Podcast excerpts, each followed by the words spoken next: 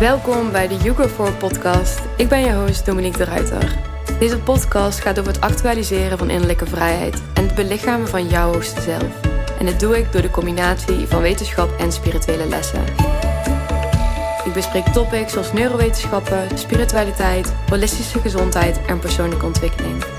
Deze podcast is voor jou als je een diep verlangen hebt naar innerlijke vrijheid en wil leven vanuit jouw authentieke zijn. Let's begin.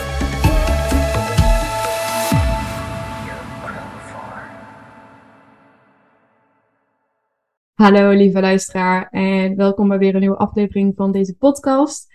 Ik heb vandaag een bijzondere gast voor jullie. Dit wordt ook tevens mijn allereerste podcast met een gast. Um, en ja, het kon ook niet anders zijn dan deze persoon. Um, Demi is namelijk hier. yes, yes, yes, hier ben ik weer. Yes. En ja, voor de mensen die Demi nog niet kennen, uh, Demi en ik hebben in hele korte tijd een hele sterke band opgebouwd. Demi en ik zijn samen Hugo voorgestart. En Demi is verantwoordelijk voor het hele astrologische deel van mijn jaartraject. Ja. Uh, en daarnaast is zij uh, ja, gewoon een prachtige ziel en uh, mijn allerbeste vriendinnetje. Dus ik ben echt heel erg blij dat ze er is. Demi, kan jij iets over jezelf vertellen?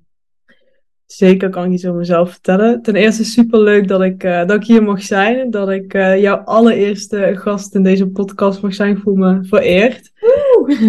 Echt heel leuk en ook heel gezellig natuurlijk. Um, ja, zoals Dominique al benoemde, ik, heb, uh, ik en Dominique zijn in het begin samen begonnen met Juco 4. Um, en ja, daarvoor begon onze hele sterke, sterke band eigenlijk, waaruit dus Juke voor op dat moment is gegroeid. Dus zo, uh, zodoende kennen wij elkaar. En zelf ben ik uh, ja, door vele ups en downs in mijn leven heel erg uh, met spiritualiteit, bewustwording en verschillende aspecten ja, betrokken geraakt en heel veel ervaringen in opgedaan om mezelf eigenlijk continu ja, te ontwikkelen, te laten groeien en te transformeren tot ja, echt mijn authentieke versie van mezelf. En dat is een ongoing process, never ending story, zeg ik altijd tegen Dominique. Ja. En um, ja, daarin kwam ook astrologie uh, bij mij aan bod, wat, ik, ja, wat mijn aandacht trok en waar ik super erg geïnteresseerd in raakte, omdat ik er heel veel uit kon halen. En ja, zodoende ben ik eigenlijk uh, verstrikt geraakt in de hele astrologische wereld. En ook op die manier om andere mensen daar uh, wat meer over te kunnen meegeven. Ja. Dus even kort.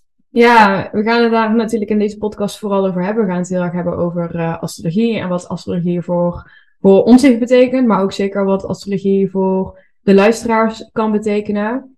Uh, voordat we verder gaan met deze podcast, wil ik je een vraag stellen. Uh, wat betekent het voor jou om jouw hoogste zelf te belichamen? Oeh, dat is altijd een vraag die even binnenkomt. Maar uh, ja. ja, wat betekent het voor mezelf om mijn hoogste zelf te belichamen? Ja, dus wanneer voel jij jouw hoogste zelf? Wanneer ben je het meest in contact met je hoogste zelf? Als ik, ik zeg altijd uh, dat ik een bepaalde lijn heb en ik noem het wel mijn connectie met, ja, boven om het zo te zeggen. Als die het helderste is, is als ik het meeste met mezelf uh, bijna zo min mogelijk ruis op mijn afleiding en ruis op mijn frequentie heb, zeg maar, op die manier, dan voel ik me helemaal heerlijk. Echt zo ah, aligned met mezelf. Gewoon yeah. in mezelf, met mijn eigen ruimte, mijn eigen, uh, mijn eigen denkwijze, mijn eigen keuzes maken. Echt vanuit mijn centrum en vanuit mijn authentieke kern. Als ik van daaruit in de de dag in kan stappen, de wereld in kan stappen en vanuit daar kan handelen en reageren, dan, dan voel ik me echt mijn hoogste zelf belichamen, mijn ja. puurste variant. En uh, ja. ja. dat is soms moeilijker als dat het, dat het lijkt. Soms is het uh, heel veel ruis op de lijn, waardoor je, waardoor je even niet bij je eigen frequentie kunt blijven. Maar wanneer je die wel voelt, dan voel ik me helemaal geweldig. Ja, ja. ja heel mooi. En wat helpt jou bijvoorbeeld om dan um, in dat centrum te blijven. Om op dat kanaal te blijven. Ja, dat is heel erg um, ja, naar jezelf toestappen. Wat eigenlijk ook weer een stukje van zelfliefde. Uh, om met, met veel liefde en respect met jezelf om te gaan. En ook om um, de dingen te doen die, die jou beter doen voelen en die echt alleen met jezelf, die niet met een ander te maken hebben, los daarvan. Dus ik vind het heerlijk om bijvoorbeeld lekker te, lekker te sporten. Ik vind het heerlijk om, um, om te, een yoga, een yin yoga sessie te doen. Daar kom ik helemaal van terug. En ook soms inderdaad een momentje van, van meditatie pakken, een boek lezen, lekker wandelen. Dat soort dingen, dat ik gewoon met mezelf ben, niet afhankelijk op iets of iemand, alleen op mezelf. Dan voel ik me helemaal, ja, weer terugkomen bij mezelf. Eventjes afsluiten van de prikkels. Ja. En alleen mijn eigen prikkels ontvangen. ja. Ja, en ik kan me ook al voorstellen, ik heb het er natuurlijk al vaker over gehad, hoe moeilijk het is om in deze samenleving tot je centrum te komen. Ja. En eh, dat is ook wel een van de belangrijkste redenen, geloof ik, waarom we dit traject uh, samen hebben opgestart. Of in ieder geval Joker 4 sowieso samen hebben opgestart. Mhm. Juist om mensen te ondersteunen in die reis weer terug naar binnen en echt bij je eigen centrum blijven. Want het is zo moeilijk om in een samenleving waarin er zo ontzettend veel prikkels zijn, in je centrum te blijven. En uh, het is ook nog zo dat wanneer we bijvoorbeeld in meditatie zijn, dat het dan allemaal op zijn plek lijkt te vallen, dat dat super fijn is. Maar breng die balans ook maar eens terug wanneer je aan het werk bent met uh, twintig collega's om je heen. Of wanneer je te maken hebt met uh, mensen die misschien jou niet zo goed begrijpen. Of waarvan jij hen niet zo goed begrijpt. Of um, sowieso al te leven in de, de dagelijkse zaken ja. van die dag. Um, dus het is dan nog belangrijker om inderdaad in je centrum te blijven.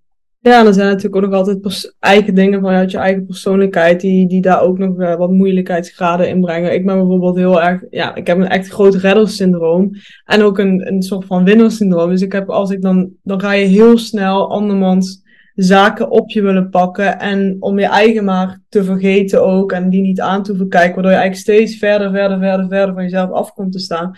Dat is het moment dat je even moet doen van, hey, Demi, kom terug. Even terug hier. En weer zakken, zakken, zakken. Ja. En uh, ja, dus dat is uh, zeker waar wat je zegt. En vandaar dat ik het ook zo'n waardevol uh, traject vind wat jij nu doorzet en waar we in het begin mee gestart zijn. Want ja, het is zo belangrijk op dit moment. Ja, en dan gaan we het natuurlijk straks nog over hebben over jouw aandeel. Want jouw aandeel is een enorm aandeel in het traject. Sowieso astrologie is een enorm aandeel. Um, en sowieso toen ik voor de eerste keer in aanraking kwam met astrologie, ik denk dat we allemaal de eerste keer een beetje horen over astrologie wanneer we in de magazines kijken. En ik was altijd super sceptisch. Ik vond het echt, ja, ik uh, vond het een beetje bullshit allemaal. Um, tot, en ik denk dat dat vooral is geactiveerd toen bij elkaar leerden kennen, want ik geloof niet dat ik daarvoor, was ik daarvoor al bezig met astrologie? Ja, volgens mij viel het mee. Het enige wat je had was toen die, die app, die de pattern app. Ja, de pattern. Oh, daar gaan we het straks nog over hebben. Ja, inderdaad. Ja. ik was in ieder geval vrij weinig met astrologie bezig, maar op dat moment dat wij elkaar leerden kennen, was ik natuurlijk wel een stuk meer bezig met het stuk bewustzijn, spiritualiteit. En ik stond er ook enorm voor open. En toen jij uh, sprak over astrologie en echt de, de hele complexiteit van astrologie, uitleggen ze toch echt van, wow, en ook als je wat duidingen liet zien, of ik weet dat je daar altijd ja, een beetje terughoudend in was. Ja, bent. Maar ook als je inderdaad de duidingen liet zien, of je had het over de volle maan of de nieuwe maan. Uh, dat was zo integrerend om te horen. En het kwam iedere keer, dan zat ik in een bepaalde vibe, in een bepaalde energie. Of dan had ik te maken met echt bepaalde topics in mijn leven. En dan zei jij van, ja, maar deze volle maan of deze nieuwe maan of hè, nu staat deze planeet zo en zo zo. En dan denk ik echt van, oh my god. Het, het kan gewoon echt niet langer toeval zijn, zeg maar. Of ik ben een hele goede dakdekker. Nee. nee, natuurlijk niet. nee, dus dat uh, vond ik sowieso gewoon heel erg mooi. Um, kan jij een beetje meer vertellen over jouw reis en ook over hoe jij dan bent gekomen tot astrologie? Ja, uh, Wat astrologie dan ook voor jou heeft betekend? Nou, hoe het eigenlijk vooral heel erg sterk tot stand is gekomen bij mij, is ik had altijd vanuit mezelf een heel erg grote druk op mezelf. Ik moet uh, mezelf bewijzen dat ik een heel slim, intelligent persoon ben, dat ik veel kan presteren, veel kan behalen. Want op vroege leeftijd had ik wat moeite in de schoolbank, om het zo maar even te zeggen. Niet omdat ik niet pinter was, maar omdat ik gewoon heel afgeleid was door door andere dingen om me heen. Uh, zoals mensen. Ik vond mensen veel te interessant, het sociale aspect. En ik had mezelf dus opgeleid. Ik moet me wel bewijzen dat ik dus daadwerkelijk veel kan leren. Dus dat ik uh, naar universiteit kan, et cetera. Toen had ik op een gegeven moment een opleiding afgerond. Um, op mijn uh, 18e, 19e of zo. En toen was het dus tijd om door te gaan naar het volgende. En dan weer het volgende. En daarna weer het volgende. En toen kwam er op een gegeven moment, toen ik het afvat, een moment van stilte in mezelf. Van Demi, wat ben je eigenlijk aan het doen? Voor wie ben je dit eigenlijk aan het doen? En ik was gewoon mezelf echt kwijtgeraakt op dat moment. Ik had een, een bumpy ride gehad met ook uh, andere mentale problemen die, die, uh, ja, die best wel heftig waren op dat moment.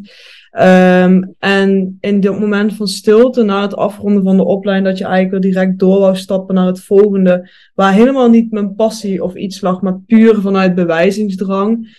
Toen ging ik zoeken naar, maar wat is nou waarom ik dus altijd heel erg afgeleid was in de schoolbanken? Wat zit daar en wat, wat, wat wil dat van mij? En wat, wie ben ik Wie ben ik eigenlijk als ik al die bewijsdrang van me afgooi? Waarvoor leeft Demi dan? En voor wie leeft Demi dan?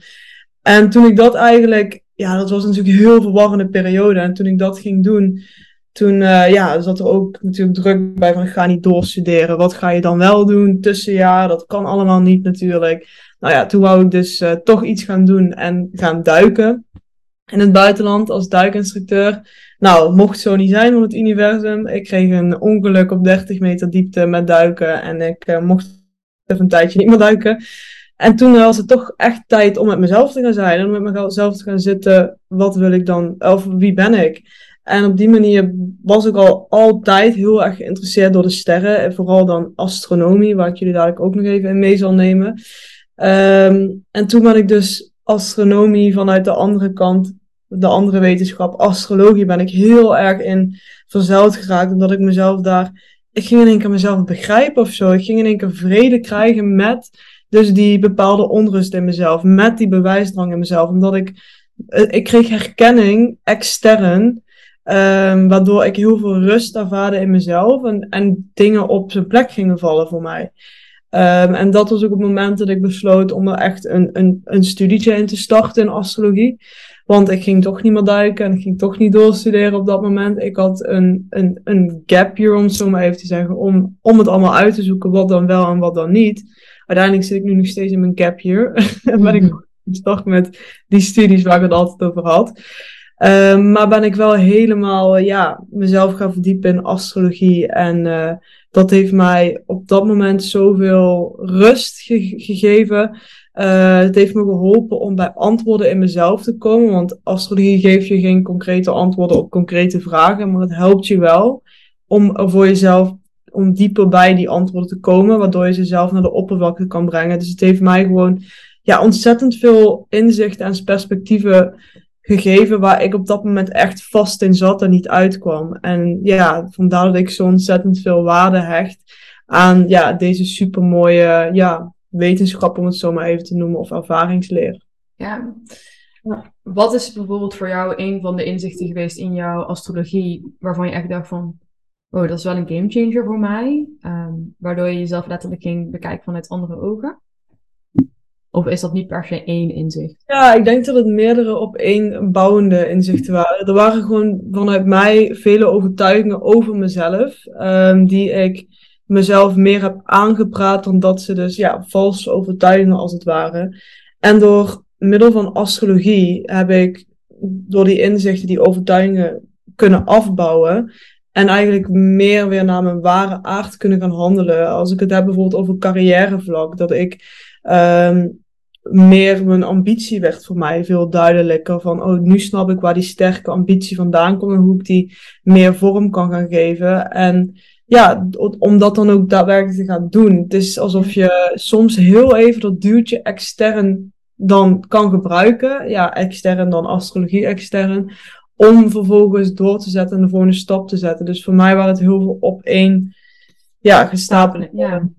ja, overtuiging. Of uh, ja, dingen vanuit astrologie die mij echt veel duidelijkheid hebben geboden. Ja, en wat ik gewoon bijvoorbeeld ook heel erg mooi vind aan astrologie is omdat we heel erg zijn geneigd. En uh, ik heb dat natuurlijk heel erg mijn hele leven wel gehad. Maar ik geloof dat iedereen dat wel in een bepaalde mate heeft. Is dat we met elkaar vergelijken.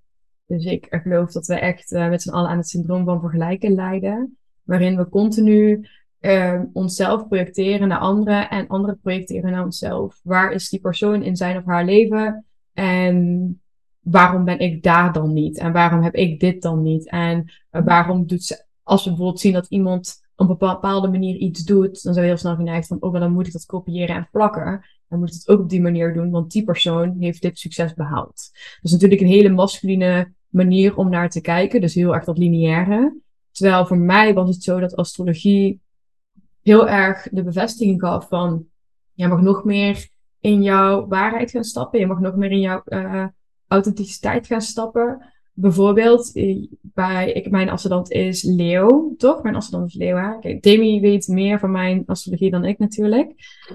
Ik ben als ascendant Leo en als ik het goed zeg, dan is ascendant meer de wijze waarop je jezelf projecteert in de buitenwereld. Dus hoe de buitenwereld jou interpreteert. Klopt dat? Eigenlijk hoe je naar buiten treedt vooral. Dus ja. dat is heel erg eerste indruk. Uh, ja.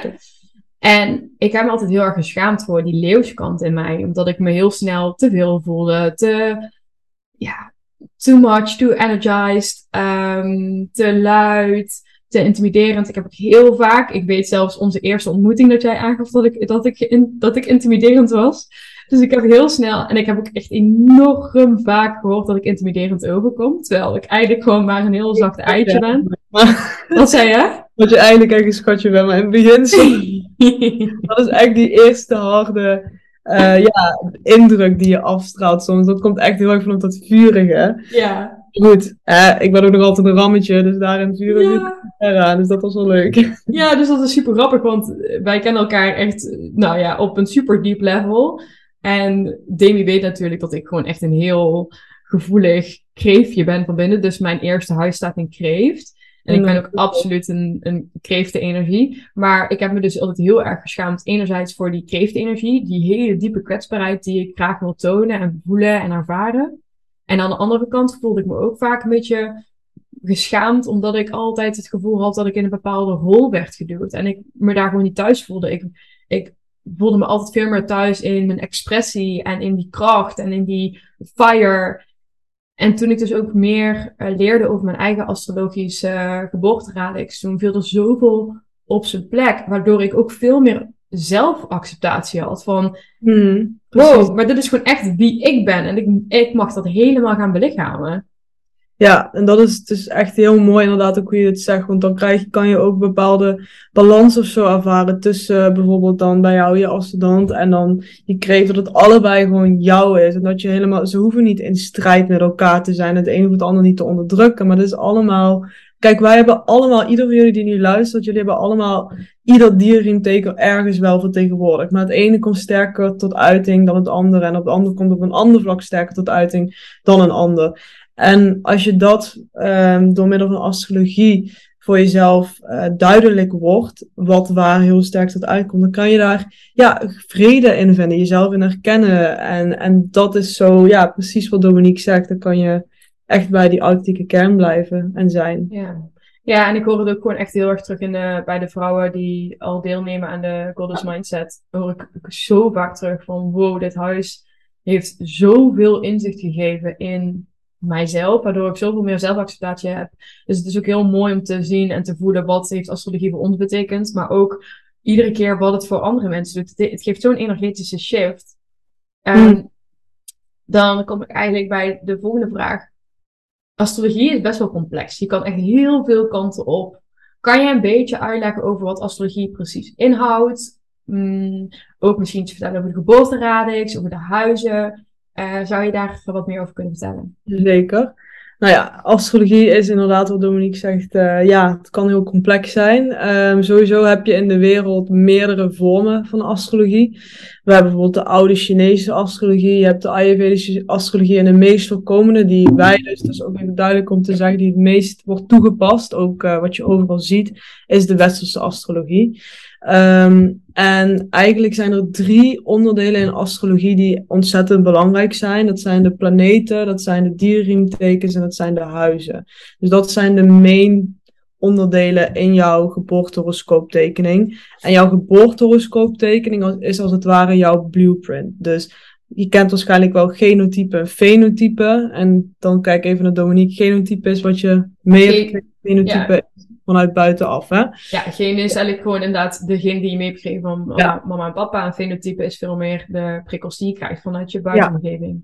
Precies, en zo kan je dus inderdaad je astrologische geboortehoroscooptekening kan je zien als een soort van genotype tekening. Van dit heb je meegekregen, want dit is dus het moment dat jouw fysieke zijn eigenlijk voor het eerst in aanraking komt met deze aarde. Dan wordt er als het ware een foto gemaakt zo van de, de, de kosmos, de sterrenhemel, waar staan de planeten gepositioneerd. En dat is jouw geboortehoroscooptekening. Dus daar staat precies in waar de negen belangrijkste planeten in astrologie gepositioneerd staan, in welke dierriemtekens, dus dat zijn de sterrenbeelden, in welke huizen. En dat is eigenlijk jouw persoonlijke blueprint tekening. En vanuit daaruit gaan we dus de astrologische duidingen opbouwen, waar we het dus net ook over hadden. Bij Dominique is dat dus in haar zon. De zon die staat voor je sterrenbeeld. Dus als je mensen wil praten over een sterrenbeeld, dat is het dierriemteken waar dus de zon in staat.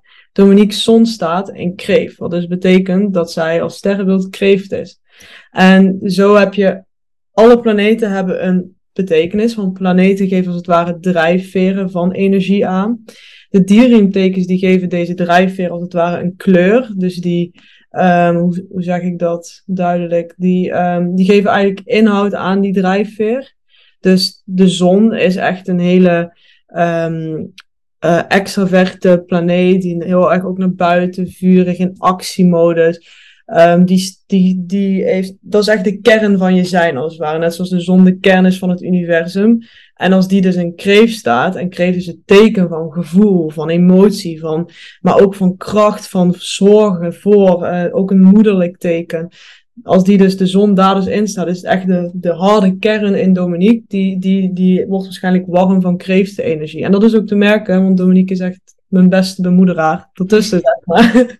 dus als ik bij Dominique ben, hoef ik nooit iets te doen. Ze zorgt altijd heel goed voor me. Want dan zegt dat kreefterigheid.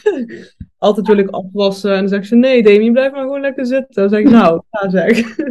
Dus ja, daar heb je het weer, de kern van de kreeft. De kreeft en dan heb je nog de huizen. En de huizen die geven echt de, um, de omstandigheden of de, de ervaringsveld als het ware aan. Dus je kan, het eerste huis is dus ik ben, daar is ook de ascendant, de rising sign. Dat is de kust van het eerste huis. Maar zo heb je er dus twaalf en die doorloop je alle twaalf. Als je bijvoorbeeld naar twee gaat, ga je meer naar wat zijn mijn bezittingen. Drie ga je meer naar hoe denk ik, hoe is mijn denken opgebouwd. Vier ga je naar de wortels en zo ga je eigenlijk allemaal levensfases en levensonderdelen af. Die dus dan worden ingevuld door een dierenriemteken en door een planeet. En zo komt eigenlijk alles samen. Dus je hebt heel veel onderdelen. En als astroloog zijnde ben je eigenlijk een grote puzzelaar. Want zo ga je eigenlijk alles aan elkaar verbinden. Totdat het voor de persoon waarvoor je de duiding maakt. Dat het een, ja, een aaneensluitend verhaal is. En als je dat, als je een goede astroloog bent, dan krijg je in één keer een aha. Want dan snapt die persoon precies ja. waar het over gaat. Ja. En dan zie je ook, wat ik dus bijvoorbeeld ook heel erg mooi vind dat je dan ook gewoon, als je door bepaalde cycli in het leven gaat of tegen bepaalde dingen aanloopt, dat het wederom een bevestiging is dat het oké is. Dat het niet is omdat je iets fout hebt gedaan, dat het niet is omdat je, dat het aan toeval um, vastzit, maar dat het echt te maken heeft met wat jij, ja, wat er gewoon in je sterren staat en wat jij gewoon hier mag leren en ontwikkelen. En dat is zo fijn en zo'n goede houvast of zo. Ik geloof echt ook dat in astrologie, als ik bijvoorbeeld ook kijk naar de app The Pattern, ik heb zoveel houvast uh, aan, die, aan die cycli. Omdat ik gewoon heel erg voel van, oh, ik struggle echt met een bepaald iets. En dan kijk ik in de pattern en dan denk ik van, ja, dit is het. Het is niet eens dat ik eerst naar de pattern kijk en dat ik daarna ga denken van, oh, hoe kan ik dit puzzelen in mijn leven? Nee, dus ik struggle iets en dan denk ik van, oké, ik wil even kijken naar de pattern. Ik zal trouwens de app, uh, website of de link even in de show notes plaatsen. Ja. Zodat je het uh, zelf kan checken. Um, maar dan zie ik het en denk ik van, ja, this is my life right now. En dat is oké. Okay. Een heel belangrijk woord in astrologie, wat ik ook, uh, wat ik zelf ook heel erg nog moet leren af en toe, is dus echt overgave. Want dat is iets mm-hmm. wat, ja, wat hier ook uit voortkomt. Overgave aan wie, wie je bent, wie ik ben. Overgave aan wat is op dit moment. En, en juist vanuit die overgave kan je handelen en kan je actie inzetten en kan je groeien. En dat is wat voor mij astrologie heel erg doet, is van ik kan me overgeven aan aan mezelf, als het ware. En het te laten zijn wat er op dit moment is. En dan vanuit die afstand dat ik ernaar gekeken heb, handelingen inzetten, groeien en doorgaan. Ja, ja, ja super mooi. Mm, wat, um, we hebben natuurlijk de westerse astrologie. Volgens mij is de westerse astrologie vooral wel gericht op het psychologische aspect, als ik het zo goed hoor. Mhm. Maar we hebben natuurlijk inderdaad ook de Vedische astrologie. We hebben de, uh, even kijken, de Chinese astrologie. Ja. Uh, klopt het dat de Vedische energie, of de energie, Vedische astrologie, iets meer gericht is op het zielstuk? En dat de Westerse astrologie iets meer gericht is op het psychologische stuk? Wat is daar het verschil in? En um, kun je beide naast elkaar plaatsen? Of is het beste om gewoon één model te kiezen en daarvoor te gaan? Heel leuke vraag dit. Um, buiten astrologie ben ik ook een halve filosoof soms. Dus, uh... Nou, geen halve Demi. Zeg maar gewoon een hele filosoof. Ja, ja. ik filosofeer daar heel veel over. over die vormen van astrologie. En ja, ik heb ze ook vooral Vedisch en uh, Westerse. Die ben ik beide veel mee bezig. En um, ik ben ervan overtuigd, maar dat is puur vanuit mijn eigen ervaring en ook wat ik heb uh, uitgeprobeerd met dus mensen die, waar ik astrologisch mee aan de slag ga, dat ik ze langs elkaar uh, als het ware kan leggen. Voor mij gaat inderdaad de westerse astrologie gaat heel erg op het psychologische stukje, maar ook heel erg op het maatschappelijke stukje. Mm -hmm. um, en Vedische astrologie, daar zijn ook minder planeten. Um, in Vedische astrologie, dat gaat echt, dat is echt het begin van het begin. Het wordt ook wel in de Ayurveda heb je uh, verschillende vormen van wetenschappen, takken van sport als het ware. Ja. En uh, daaruit is dus ook Ayurveda, yoga. Dat zijn allemaal uh, takken van die, van die grote holistische geneeskunde die ze in India toepassen. En yoïsme, ja, ik spreek het waarschijnlijk niet goed uit, maar dat wordt ook wel de wetenschap van het licht genoemd. Dat is dus de Ayurvedische wetenschap. Het is anders. Ze hebben andere, de geboortehoroscooptekeningen in westerse astrologie zijn rond, Vedisch zijn vierkant. Dus ik ben ook begonnen als astroloog in westers, maar ik heb mijn ogen ook geopend voor Vedisch. Dus het is best wel een schakel mm -hmm. die ik gemaakt heb. Maar wat ik daar echt uit opmerkte was dat de Vedische astrologie veel meer naar echt zielsniveau gaat. Als het ware de, de kern van mijn ziel. En, en alsof westerse astrologie in mijn idee meer gaat over dit leven. Over Demi in dit leven. En Vedische astrologie komt echt, ja, echt in mijn, in mijn ziel als het ware. Dat, dat duidt daar veel meer op. Je hebt veel meer met vorige levens te maken, met karmische relaties en dat soort aspecten. Dus ja, heel interessant om het langs elkaar te, te leggen. En om daarin, als je, als je bepaalde vragen krijgt, want je krijgt soms wat diepere vragen, dan kan ik ze beter vanuit, as, vanuit Vedische astrologie soms bekijken. Ja, ja. Beide of combineren. Om zo een comple compleet beeld te schetsen. Al moet ik zeggen dat ik meer ervaren ben in westerse astrologie. Maar Vedische astrologie is ook ontzettend interessant. Ja. ja, dit is sowieso allemaal super interessant. En wat fijn is aan de uh, westerse astrologie is dat het wat duidelijker is. In ieder geval voor ons westerse. Dat Mm. het iets dichter bij ons bekende stuk staat. En dat we daar ook, ik geloof dat het iets meer tastbaar is. En bijvoorbeeld in uh, het jaartraject gaan we echt wel een stuk dieper in op de ziel en op intuïtie Mm. en op uh, vorige levens, et cetera. Alleen, daar zit, ik geloof ook wel, en ik weet niet of jij dat zo ziet, ik geloof ook wel dat westerse astrologie misschien wel een hele mooie introductie is. Of Ja, introductie. Eerst dat het belangrijk is om de westerse astrologie over jezelf, uh, op jezelf te betrekken. En dat we daarna, als jij daarin de basis hebt in dit leven, dat je dan de verdieping kan maken naar die Vedische astrologie. dat is ook echt wel. Ik, je ziet ook uh, inderdaad de meeste mensen die in aanraking komen met astrologie, die heel enthousiast worden, bijna altijd westerse astrologie. Ja. Uiteindelijk gaan ze naarmate altijd ook eventjes een kijkje om de hoek doen bij de Vedische astrologie. Dus het is toegankelijker uh, en ook ja, niet simpelder, maar het is wel makkelijker te begrijpen dan de, vind ik persoonlijk, dan de Vedische Ja. astrologie. Ja, Ja. en het is op, oprecht inderdaad helemaal niet simpeler. Want het is, uh, als ik kijk naar astrologie, dan is het gewoon echt een enorm complex wetenschap. En ik geloof dat daar gewoon heel veel mythes in zijn, omdat wij vooral door uh, hoe de maatschappij kijkt ten opzichte sowieso van meer holistische wetenschappen, dan wordt daar natuurlijk een stigma op geplaatst. En dan wordt Mhm. dat in een bepaalde hoek gedreven. En dat vind ik heel erg zonde, want astrologie vind ik juist super wetenschappelijk. Um, sowieso is astrologie vele malen ouder dan bijvoorbeeld de gezondheidszorg die we nu kennen. Ehm, weet jij zo hoe oud het is? Want het is, is het nog voor Christus, toch? Ja, het is, het is, ik kan je wel eventjes uh, kort meenemen in het ontstaan daarvan. Als ja.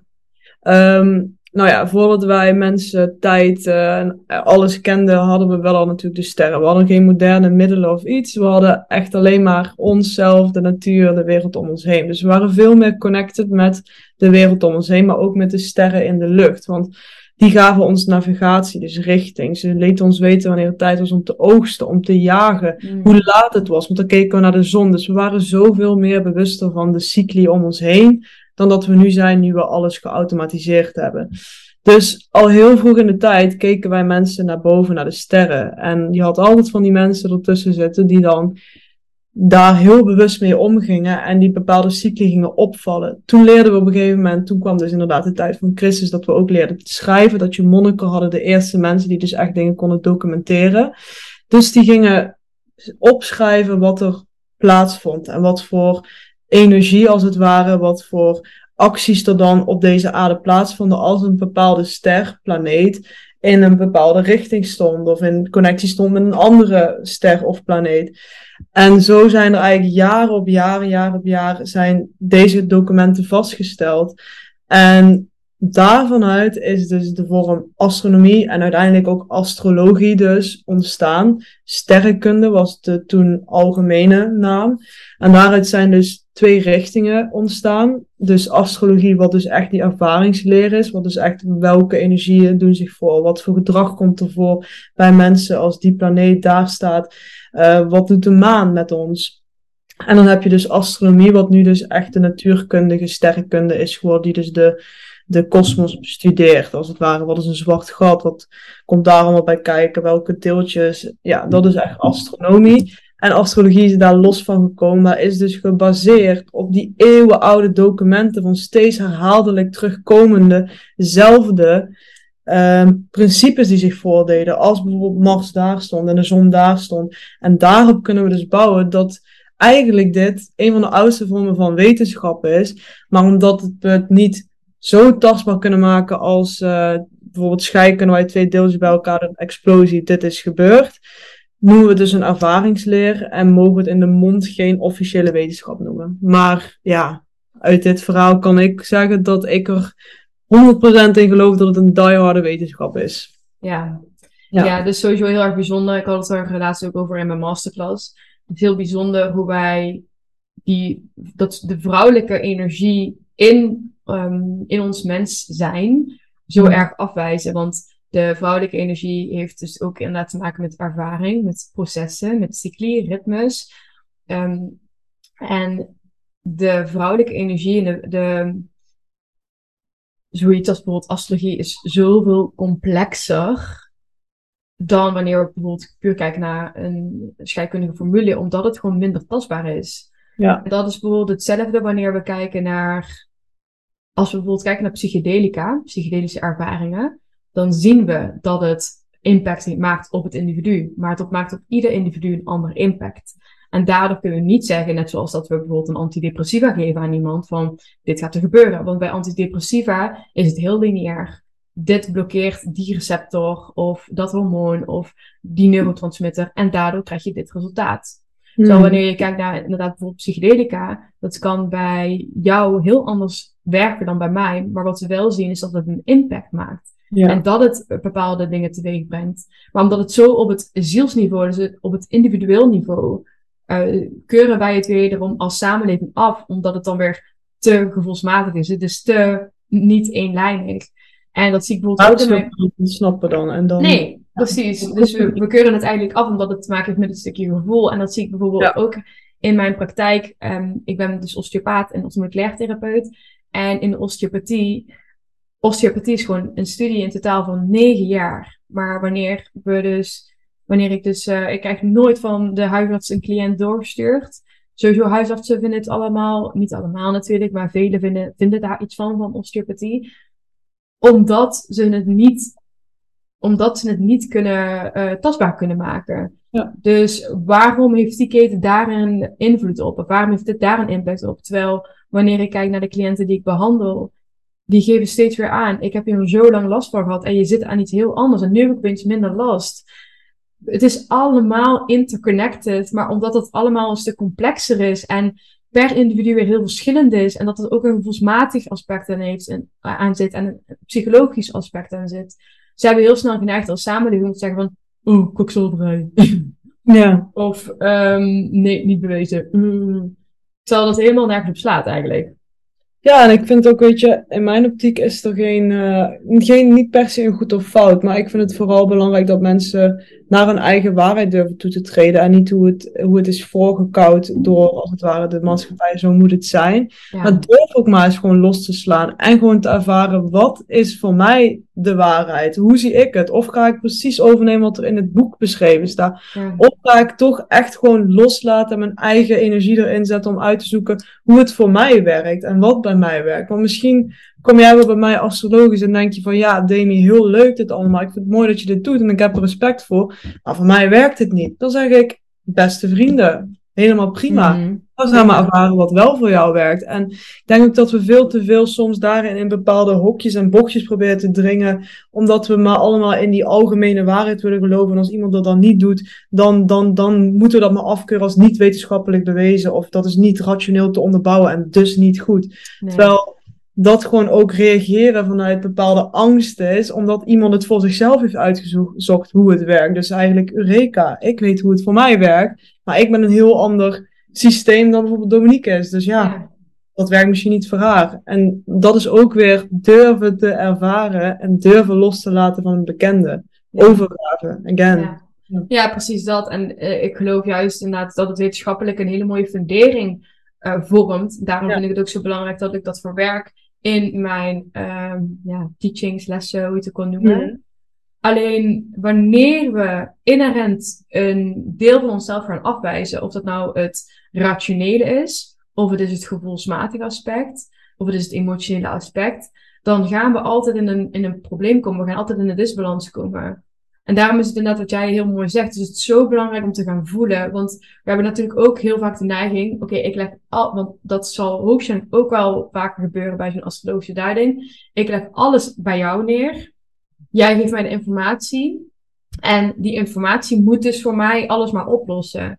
En dat is dus ook niet wat astrologie is. Astrologie geeft je bepaalde inzichten, kan je bepaalde bevestiging geven, kan je meer duidelijkheid en helderheid geven in bepaalde topics. Maar wat jij ook altijd zegt, het is niet per definitie jouw huidige waarheid. Het is niet iets wat vaststaat. Het is niet iets wat, waar, ja, um, wat nou eenmaal zo is. Dus uh, learn to deal with it.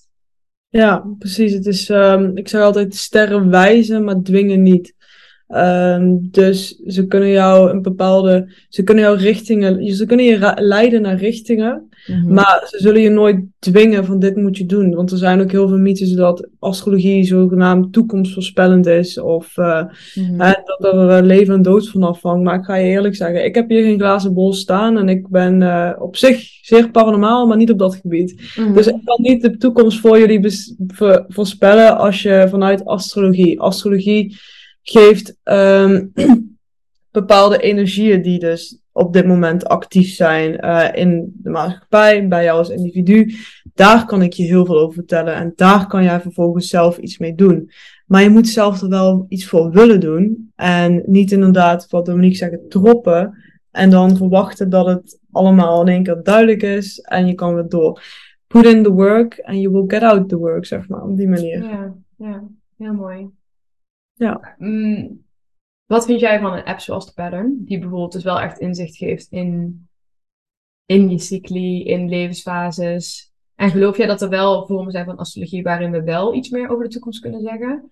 Uh, waarin we dus ja. duidelijk kunnen zeggen van... Zeker. Hey, Zeker, want, ik, want je weet natuurlijk wel, um, in astrologie zijn die cycli duidelijk. Dus je weet um, ongeveer wat er gaat komen, uh, welke cycli er gaan komen, welke planeet uh, retrograde gaat of welke planeet in spanningsaspect komt met die andere planeet. Dat kan je voor een toekomststukje kan je het voorspellen omdat het een vastgelegde, dus rationeel vastgelegde cyclus is, als het ware. Uh, dus daarin kan je, als je bekend bent met die energieën die tot stand komen, dan kan je daarin wel voorspellen. Uh, om het maar even zo voorspellen te noemen. Ja wat, wat er voor, uh, voor lading komt. Nou, ja, wat voor energie gaat komen. Uh, ja. En wat, wat we daaruit, welke vruchten we daaruit kunnen gaan plukken, maar ook welke confrontaties en valkuilen daarbij komen kijken.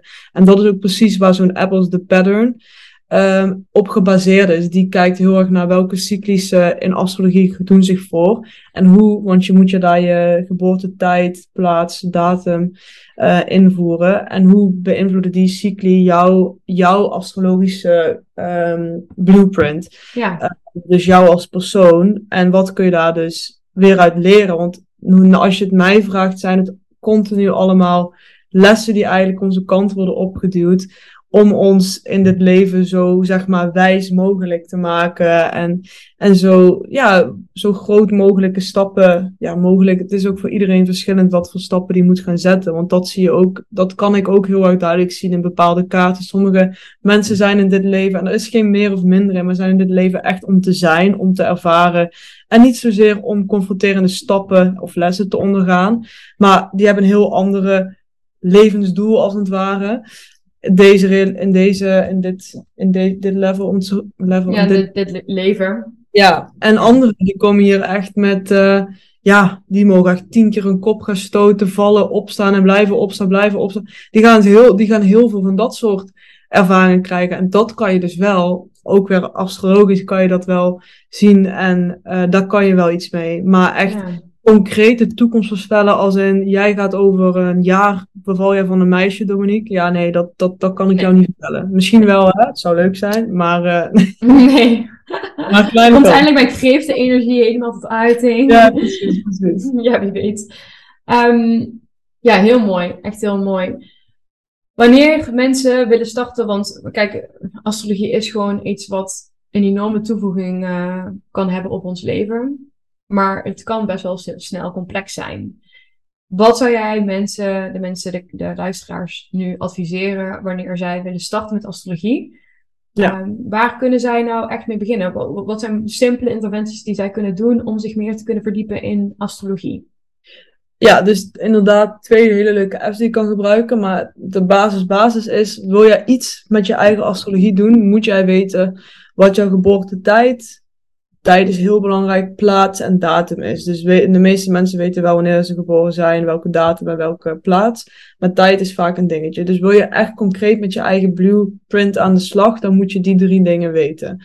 En de uh, tijd is daarin echt heel erg belangrijk, toch? Want als, ja, dan, als je tien minuten of een kwartier lang zit, dan kunnen de planeet al heel anders staan, toch? Ja, vijf minuten kan zelfs al. De, de tijd is heel erg gebaseerd op de huizen samenstelling. Okay. Dus um, de planeten ook ergens wel, maar niet, daar doet de, de 10 minuten doet het niet zozeer. Ja, bij de, ja, het is een beetje te complex om nu even uit te leggen, maar je hebt bepaalde planeten die kleinere cyclici doen, dus gevoeliger zijn voor tijd, en andere lopen groter, die zijn er absoluut niet gevoelig voor. Nee. Um, maar de huizensamenstelling is daar wel heel gevoelig voor, dus vandaar dat de tijd en de plek ontzettend belangrijk is. Dus probeer je zo specifiek mogelijk te achterhalen, mocht je die niet weten. Um, en dan zou ik, ik, waar ik ook ooit begonnen ben, is bij CoStar. Um, daar krijg je ook jouw, dat is ook een app.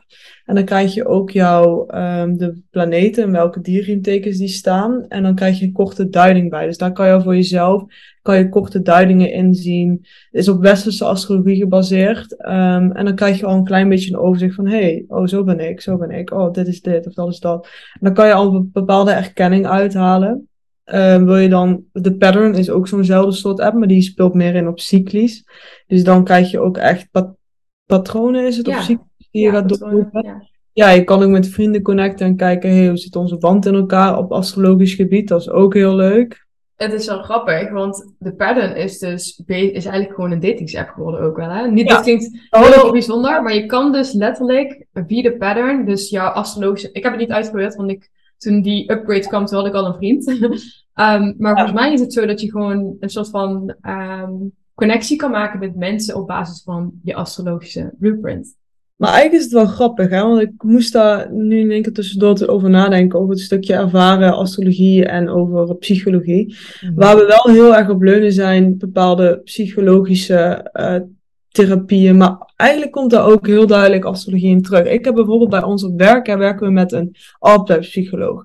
Wat doet zij? Zij gaat jouw profiel kijken. Je doet bepaalde testen. En dan komt ook een, een, een, een profiel uit met, oh, jij hebt een dit en dit profiel. Met een rood, blauw, geel. Ja, disclose. Ja. ja, en daarop kijken ze, oh ja, hoezo en zo pas jij binnen het team en dit en dit en dit, weet je wel, op die manier. Dit ben jij in je kern. Dus dat is een heel psychologisch samengesteld iets waar ze dus da dan dat resultaat eruit halen. Um, maar eigenlijk is dat ook de disk is eigenlijk ook net zoals, want als ik mijn, want ik heb dus ook inderdaad een disk, en als ik dan langs mijn astrologische horoscoop leg, dan denk ik, ja, the same story. Gewoon, ik zie hier uh, heel veel dominantie, roodheid, ja. Ik ben ook echt een ram op dat gebied. Ik heb heel veel vuur. Ik heb meer mannelijke energie dan vrouwelijke energie. Ja, het, hmm. Het klopt allemaal helemaal. Dus het is eigenlijk super grappig dat als je zelfs astrologie met dus op psychologische studies probeert te onderbouwen, dat het zelfs dan ook nog gewoon echt super logisch en concreet is. Dus, ja.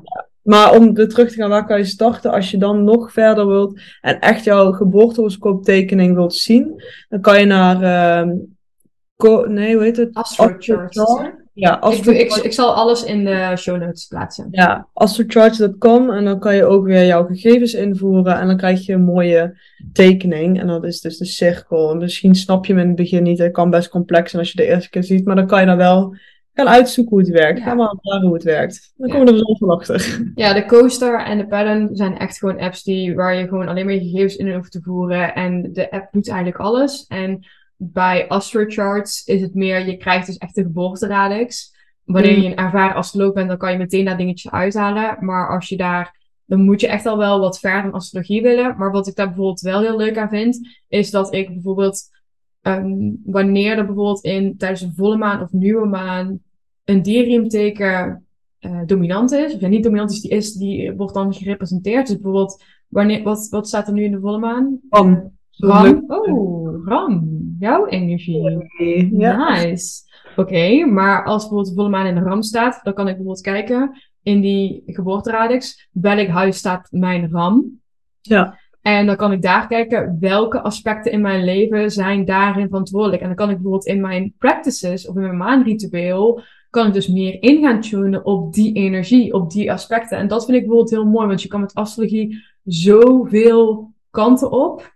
En ik, zo kan ik ook bijvoorbeeld een keer kijken als ik naar mijn geboorteradix kijk van, oh, wat, is deze, wat, wat, betekent deze planeet? Venus bijvoorbeeld. Oh ja, dan staat daar dit weer in teken aan. Wat betekent dat voor mij? Dus zo kan je er zelf als niet-astroloog zijnde toch best wel op dieper niveau mee spelen.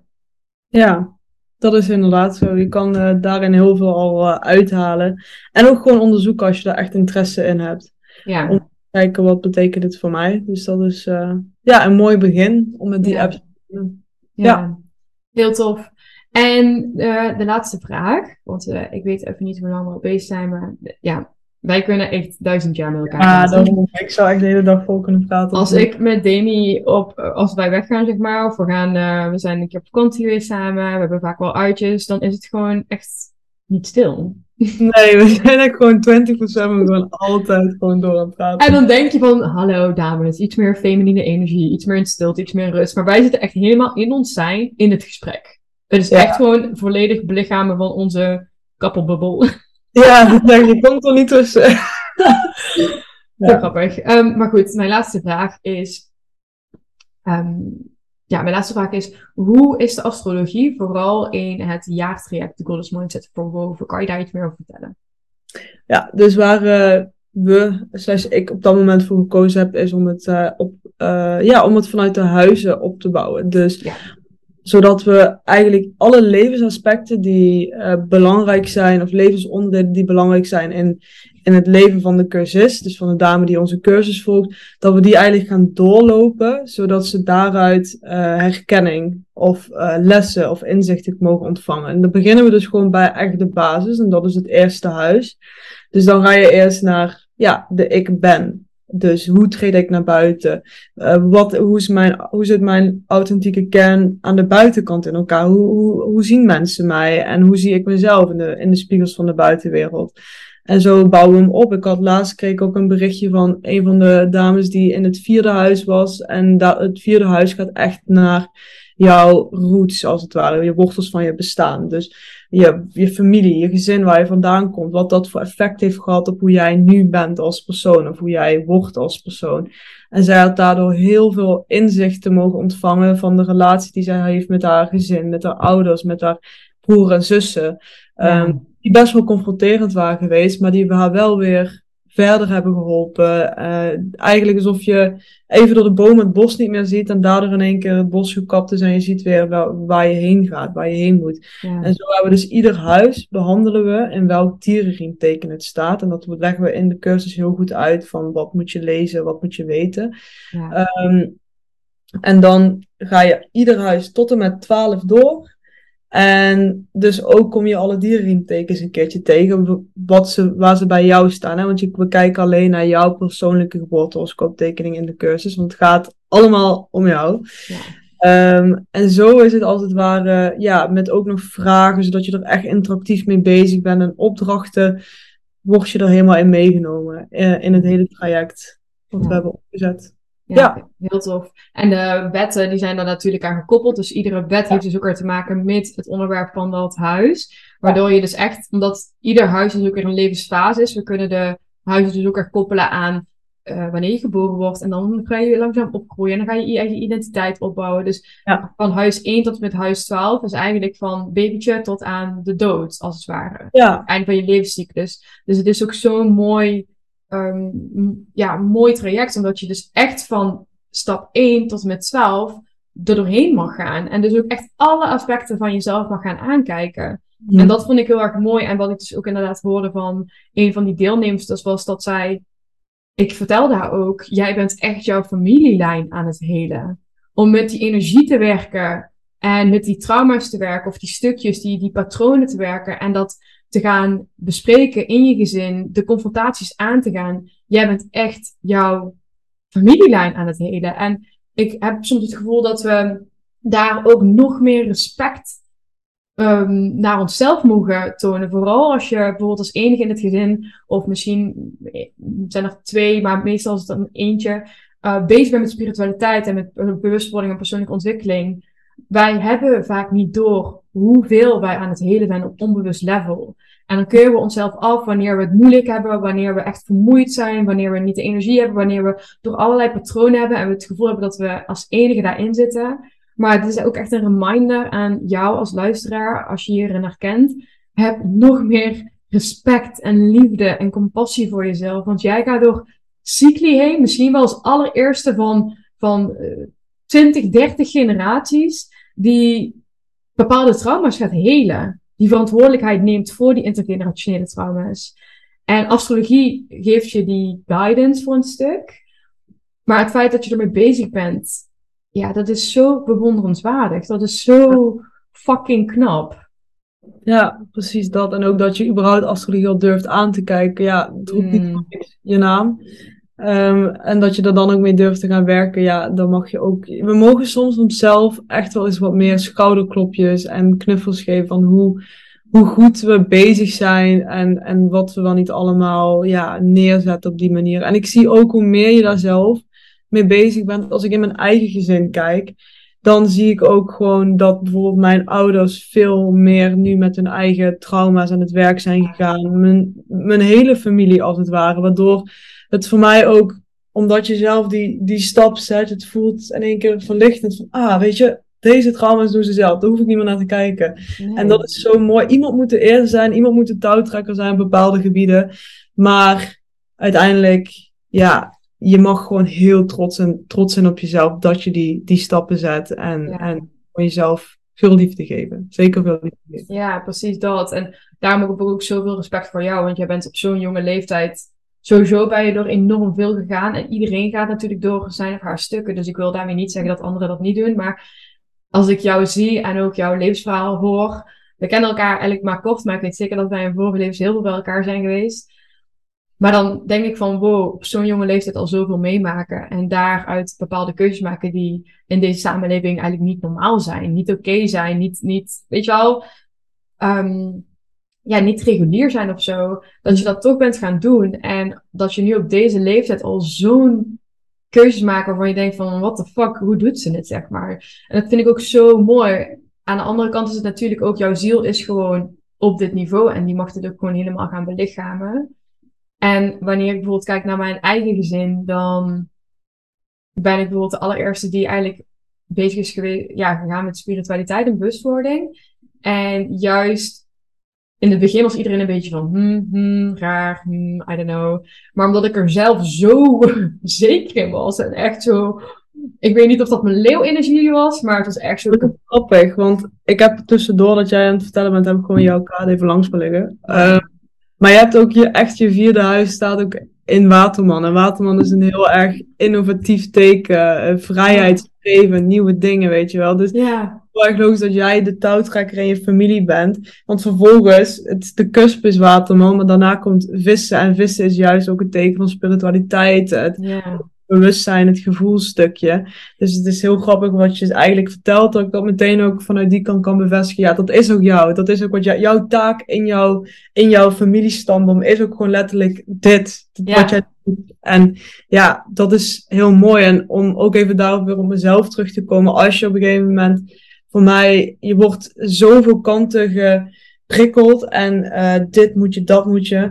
Maar als je echt op een gegeven moment weer loyaal wordt aan jezelf, ik kan niet, niet anders dan wat ik nu doe. Hoe moeilijk dat soms ook is om echt tegen zoveel weerstanden van, van aangeleerdheid, maatschappij, van, uh, ja, van de hokjes in te gaan. Ik kan het gewoon niet anders. Ik kan gewoon op geen andere manier meer leven als, als dat ik juist daar ja, tegen ingaan, dat klinkt zo negatief, maar um, mijn eigen ding daarin doen. Want in de meeste hokjes, ja, daar kan je me niet meer induwen. En, en, en dat is soms heel moeilijk. Maar ja. als je loyaal bent aan jezelf, dan maakt de rest niet meer uit. En, en ja, dat is heel mooi om daar aan toe te voegen. Ja, dat is echt heel erg mooi. En ik vind het ook bijzonder, want ik, ja, soms vertel je me dingen en dan denk ik van, oh, inzicht en dan vergeet ik het weer. Dus dit is eigenlijk weer een nieuwe kennis, wat je net vertelde.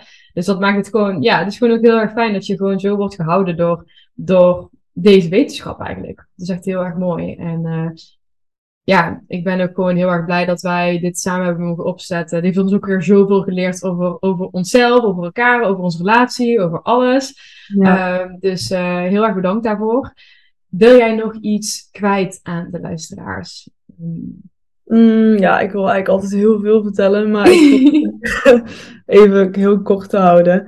Um, nou, in ieder geval, ik vond het ontzettend leuk om weer even hier te zijn. Altijd zo fijn om toch weer even een stukje connectie met Yuko te hebben, want het is natuurlijk ook echt... Jouw baby ook. Ja, ook een product. Uh, ja, onze baby inderdaad een product. Dominique is natuurlijk de moeder, dat was wat duidelijk. ik ben meer Mama, baby. vader.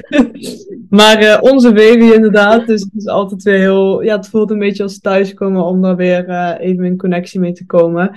Um, dus ik vond het heel, heel leuk en heel fijn dat ik, uh, dat ik hier als eerste gast mag zijn en dit met jullie mag delen. En vragen, dat soort dingen. Ik, ik vertel altijd heel graag meer. Dus je mag altijd uh, me lastigvallen met astrologische vragen en dingetjes, want daar help ik jullie graag mee. En waar kunnen mensen jou lastigvallen? Waar mogen ze jou volgen? Waar kunnen ze met jou connecten? Nee, op uh, Instagram kan je me altijd even in mijn DM's sliden. Dat vind ik altijd gezellig als je dat doet. Um, en verder, uh, waar kun je mij op volgen? Ja, Facebook doe ik eigenlijk niet zozeer aan. Nee, dus eigenlijk vooral Instagram. En dan is Demi... Ja. Punt Reinders. Ja. En Reinders is R-E lange I. Ja. ja, ik ga het ook in de show notes zetten. Dankjewel Demi voor dit mooie gesprek. I love you. I love you too much. En um, ja, jij bedankt luisteraar voor weer het luisteren aan deze aflevering. Ik hoop dat je er iets uit hebt kunnen halen. Dat het je heeft geholpen. Ik zal alles wat we hebben verteld over de apps en de website zal ik in de show notes plaatsen. De deuren van de Goddess Mindset zijn officieel geopend um, wanneer je dit luistert. Dus wanneer je daar interesse in hebt, ik zal ook de link daarvan in de show notes plaatsen. En ik zie je heel graag de volgende keer. Wat wil jij nog zeggen, Demi? Het is tijd voor actie, want het is ook nog een volle maan in Ram morgen. Dus je moet nu echt actie ondernemen. En ook inderdaad, wil je iets gaan doen aan jezelf, die Goddess Mindset kaartje daar brengen. Dus dat moet ik even erbij zeggen, want de volle maan in Ram wil niets liever dan dat aan jou vertellen. Kijk er even in de vuur staan. Hoppakee. Heerlijk. Heerlijk. Nou, je hebt het voor. Je hebt het gehoord, ja, inderdaad. Ehm, als deze podcast uitkomt, dan is het misschien de volle maan net een dagje voorbij, maar dat maakt helemaal niet uit, want volgens mij is de energie van de volle maan drie dagen van tevoren en drie dagen daarna het sterkst. Zeker voelbaar, ja. Zeker voelbaar. Ik heb het in ieder geval altijd wel...